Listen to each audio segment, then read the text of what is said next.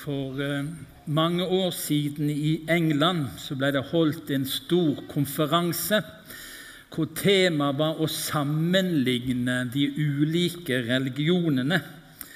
Og Eksperter fra hele verden kom sammen for å diskutere, og forslagene var mange. Hva er det som er spesielt med den kristne tro?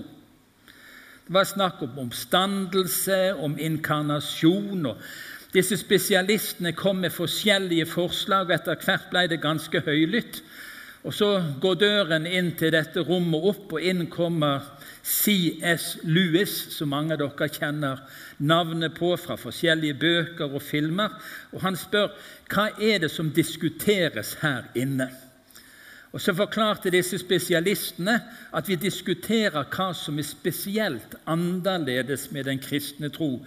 Og så svarer C.S. Lewis på denne måten det er enkelt.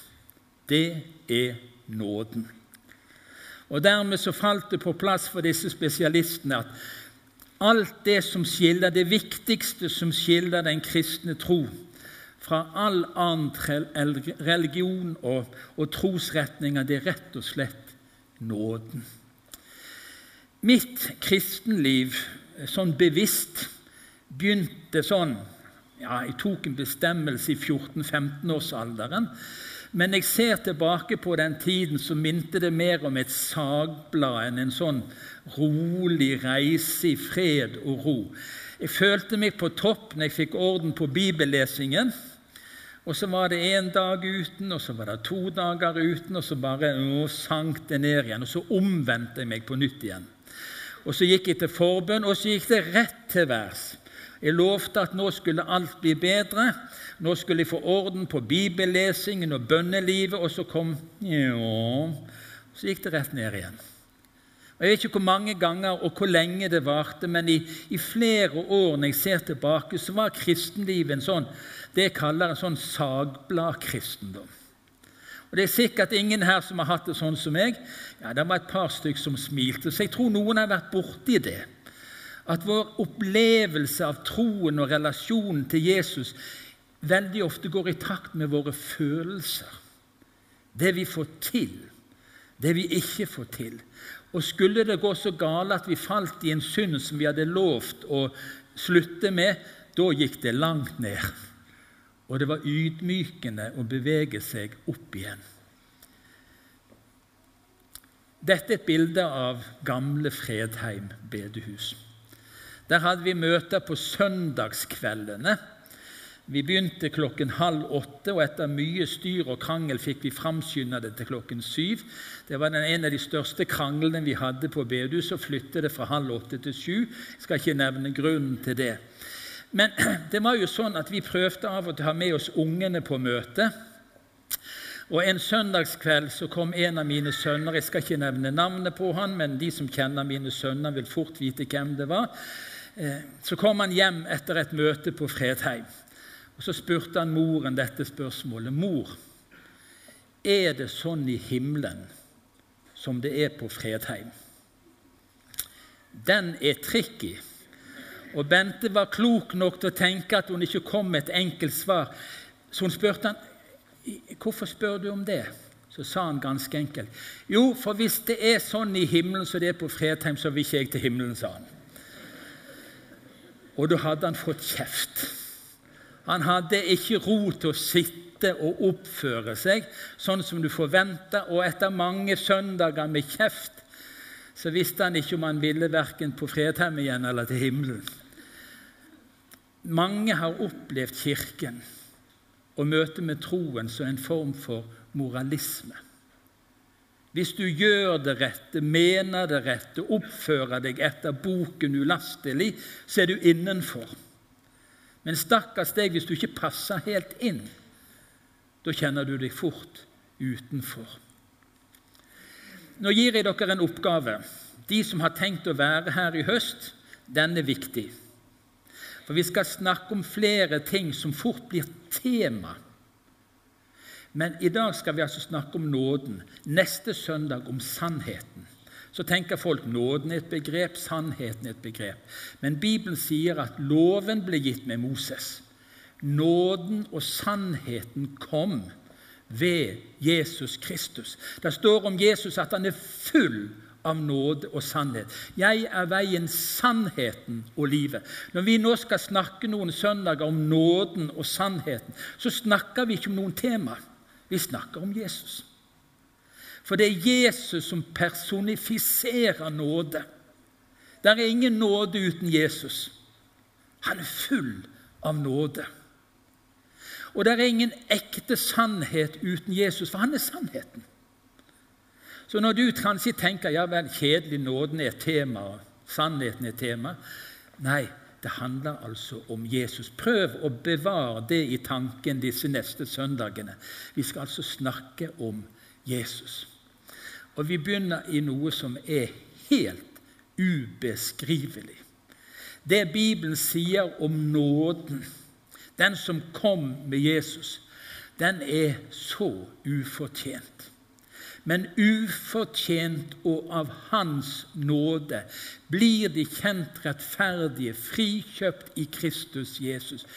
Ufortjent, uten betaling, helt gratis, kommer nåden til oss. Det viktigste i vår tro den største forskjellen mellom alle religioner, det avgjørende elementet. Nåden kommer til oss gratis, ufortjent. Vi er vant til at fordi du fortjener det. sant? Vi får etter fortjeneste.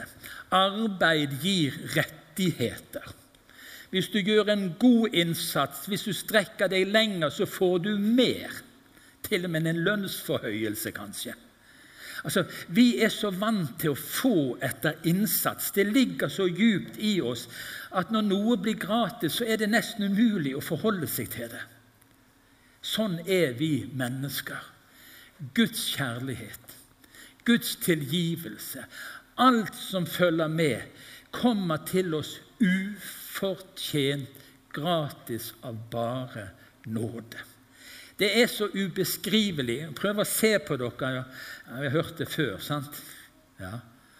Jeg vet ikke om det virkelig går opp for oss hvor radikalt og annerledes dette budskapet er om nåden. For noen år siden så var det en journalist som ville prøve seg på en byttehandel. Du har sikkert hørt om det. Han begynte med en bindas, og målet var å ende med en elektrisk bil. Sant? kan du bytte deg fra en bindas til en elektrisk bil. Og Hvis jeg husker rett, så brukte han fem uker på å bytte bindersen i noe som var litt mer verdifullt for han som ikke hadde en binders. Han kunne bytte vekk en liten ting. Og så bytta han seg oppover og endte med en elektrisk bil. Spennende. Skal vi prøve? Har du noe du har lyst til å bytte? Jeg kan begynne med en krone, jeg har lyst til å ende med en million. Hvem vil være med? Altså, det, det, det, ligger noe spennende i dette. Vi kan bytte oss oppover. Det største byttet. Det som gjennom Kirkens historie blir kalt for det salige byttet. Vet du hva du kommer med da? Da kommer du bare med minusfortegn. Du har ingenting å bytte med som er positivt. Dine gode gjerninger kan ikke byttes i nåde. Dine fromme bønner kan ikke byttes i nåde. Alle dine offergaver kan ikke byttes i nåde. Det du kommer med, er minus. Du kommer med synd og Guds opprør, fall og nederlag. Og hva får du istedenfor? Du får nåde. Ufortjent. Så kan du bytte det mest negative i ditt liv, det mest smertefulle i ditt liv, det mest ydmykende, det, det du ikke tør å snakke om engang høyt til mennesker, det kan du få bytte. Det er et salig bytte. Ingenting har du å komme med som er verdt noe. Men Jesus bytter sin rettferdighet, sin hellighet. Han bytter sitt si, barnekår hos Gud som den enbårne, og du får del i det helt gratis, helt ufortjent. Det er litt av et bytte. Paulus sier det på denne måten i Romerbrevet kapittel 8. og Det er nesten sånn ut av at vi kan forstå det. Hva skal vi da si til dette, om dette byttet? Er Gud for oss, hvem er da mot oss? Han som ikke sparte sin egen sønn, men ga ham for oss alle. Kan han gjøre noe annet enn å gi oss Kan du lese det? Si det høyt. Gi oss ja. Alt kan du få i det byttet. Hans hellighet, hans rettferdighet, hans arverett til himmelen. Alt det Jesus er, hans seier over synd, hans død og hans oppstandelse, kan du bytte. Det er et salig bytte. Og det trenger ikke ta fem uker. Vi ba om det her før gudstjenesten at hvis det kom noen ufrelste inn på Fredheim denne søndagen, så ba vi om at de måtte gå ut frelst. Det kan skje sånn. Det skjer i det øyeblikket du sier, 'Jesus, nå kommer jeg med min synd.' Med mine nederlag, med min skam, med alt det som jeg ikke får til. Og jeg vil ha ditt. Så skjer det et salig bytte. Du kan få alt av Han og med Han. Noen sier av og til noe som er godt sagt, og det kommer til å være tegnet på ting som er godt sagt. Nå får du teste deg. Terapeuten Daven Simens han sa vi leser, vi hører. Vi tror på en god lære om nåden, men det er ikke slik vi lever. Evangeliets glade budskap om nåde har ikke trengt gjennom til våre egne følelser. Har det gått opp for deg, eller er du på sagbladet ennå? Søndag en ganske bra dag, men mandag på jobb når du hadde lovt å vitne for kollegaen din uh -uh. En familieleir uh. Og så tilbake til hverdagen. Er det det som er ditt kristne liv? Eller har nåden gått opp for deg? Nåden, amazing grace, ufortjent nåde. Du hadde ingenting positivt å komme med, og så fikk du et salig bytte. Det andre om nåden nåde å leve i. Gjennom ham, Jesus, har vi også ved troen fått adgang til den nåde vi står i i. Og vi er stolte over håpet om Guds herlighet. Jeg husker så godt som ung kristen at jeg var livende redd for å falle ut av nåden. Det var liksom sånn at livet mitt var på en kant. Og her oppe Jeg var innenfor så lenge jeg leste og ba. Men hvis jeg skulle falle ut forbi og synde, så trodde jeg jeg falt i et annet hav ut av nåden. Er det noen som har tenkt sånn? Vært redd for det? At vi kan liksom falle ut av nåden. Hør. Peter, et av hans største, kanskje hans største nederlag. Fulgt Jesus i tre år. Fått det løftet at, at han skulle være med å bygge denne kirken som skulle følge Jesu døde oppstandelse så banner han tre ganger på at han ikke kjenner Jesus. Da er du langt nede. Da er ikke det sagblad som går langt nok ned. Da er du på bånn. Hva gjorde Jesus når Peter falt så brutalt? Hva gjorde Jesus som da var under forhør og pisking og tornekroner? Hva gjorde Jesus da? Han sa, 'Ja, jeg får prøve å få han inn igjen i nåden. Nei, han sa, 'Jeg ba for deg, Peter, at din tro ikke måtte svikte'. Det som Peter falt i, det som han så ydmykende seinere måtte erkjenne gikk i stykker, det skjedde i nåden. Og det Jesus var redd for, det var å, Måtte ikke Peter miste troen nå, da? Måtte ikke han tenke at nå er han fordømt og fortapt for alltid. Så det Jesus ba om, var at han ikke måtte miste troen. Og når du svikter, og når jeg svikter, når du faller og jeg faller, så faller vi i nåden. Og det Jesus gjør, det er at han ber for oss og måtte ikke troen svikte. I det nederlaget, i det ydmykende. Er det for godt å være sant, tenker vi. Kan det være sånn? Kan Gud være sånn? At det er et livselement Bibelen taler om en annerledes fred som en tilstand. Det er et kår vi blir tatt inn i. Vi får altså som levested, som levekår, nåde. Vi står i nåde. Vi lever i nåde. Det er ikke sånn at du blir frelst av nåde, så er du ferdig med nåden, og nå trenger jeg kraften og nådegavene. Du lever i nåde. Det er en tilstand. Og Hør hva det står i Johannes 14. Fred etterlater jeg dere. Min fred gir jeg dere. Ikke den fred som verden gir. La ikke hjertet bli grepet av angst og motløshet. Det er ikke grunn til angst og motløshet over ditt barnekår og din tro så lenge du holder deg nær Jesus, hos Jesus. Du lever nemlig i nåde. Du har fått en fred som er helt annerledes. Den er ikke avhengig av dine følelser. Den er ikke avhengig av dine seire. Den er ikke avhengig av dine bønner. Den er ikke avhengig av din bibellesing. Den er bare avhengig av Jesus. Han er nåde. Han er full av nåde. Nåden kom med Jesus. Det siste Dere ser dere tre punkt i dag. Sant? Nå er jeg tilbake til tre punkt for dere som er nye på Fredheim.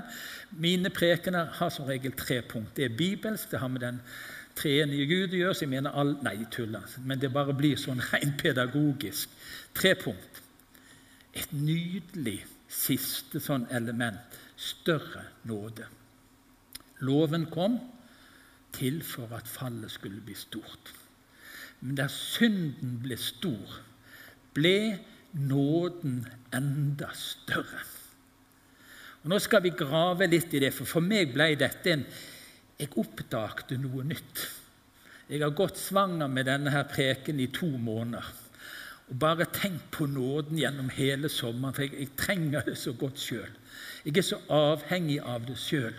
Og så oppdaget jeg noe med dette. Hva betyr større nåde? Kontrasten er vi har alle synder. Alle disse milliardene som har levd, og som lever i denne verden. Ingen søker Gud, sier Romerbrevet 3. Det er ikke én som er rettferdig. Det er ikke én. Ikke en eneste, selv om noen av dere ser så fromme ut at det drypper av dere. Det hjelper ingenting. Det er ikke én som søker Gud, sier Bibelen. Alle har synda, men den ene sin nåde er nok for alle alltid og til alle tider. Det er stor nåde, det.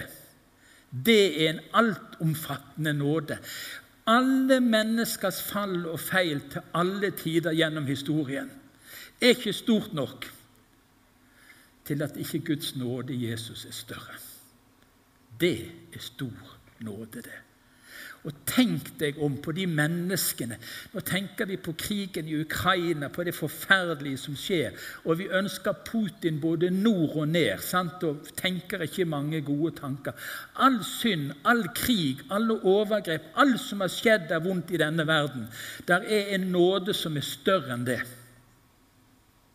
Guds nåde i Jesus er større for den som trenger det, og som vil ta imot det. Og så er det en annen ting, en annen side ved denne nåden som er litt krevende. Har du noen gang tenkt Jeg har nesten hatt en liten håndsopprekkelse her. At det er liksom små og store synder. Har du tenkt tanken kom, Nikk i det minste. Hæ? Har du tenkt at du kommer ganske godt ifra det når du sammenligner deg? Reis deg. Nei, men Du skal få lov å sitte. Men, men, men det er noe med den vi graderer ofte synd. sant? vi, vi, vi, vi har sånne søndagssynder. litt sånn, Vi bomma litt, sa noe litt skeivt, og jeg tenkte en litt dum tanke. og ja, Jeg vet at det er litt, litt sånn putt-putt, men jeg, jeg, er jo ikke sånn. Sant? Jeg er ikke sånn som de, som virkelig Vi graderer synd. Det er livsfarlig. Bibelen sier noe om flisen og bjelken. Sant? Sier noe om det. Vi ser så lett flisen i vår brors øye, men bjelken i vårt eget øye ser vi ikke. Og vet du hva en av de største bjelkene er? Hovmod. Å, sa fariseeren, han sto langt framme i tempelet. Gud, jeg er glad jeg ikke er sånn som han der tolleren der bak. Sant? Jeg faster, jeg gir tienden. Og han som sto der, han tørde ikke å gå langt fram i tempelet. Han sa, 'Gud, vær meg arme synder nådig.' Hvem gikk rettferdig ut av tempelet den dagen? Ikke den hovmodige, men synderen. Han som ydmyk sa det, 'Jeg er ikke verdig din nåde', men ok, Gud, det er den jeg satser på, det er den jeg bygger på. Hvorfor ser du, sier Jesus, Flisen i din brors øye, men bjelken i ditt eget øye legger du ikke merke til. Vet du hva? Der er stor nåde. Og nå, nå nærmer vi oss avslutningen. Og så har jeg et budskap til deg som opplever at det virkelig har gått galt i ditt liv. Du svikta der du lovte å stå fast. Du gikk en vei du visste ikke du skulle gå. Du gjorde noe som har skapt fordømmelse og skam, som du bærer på den dag i dag. Du tenker at det er en så stor synd. Det er ikke håp for meg.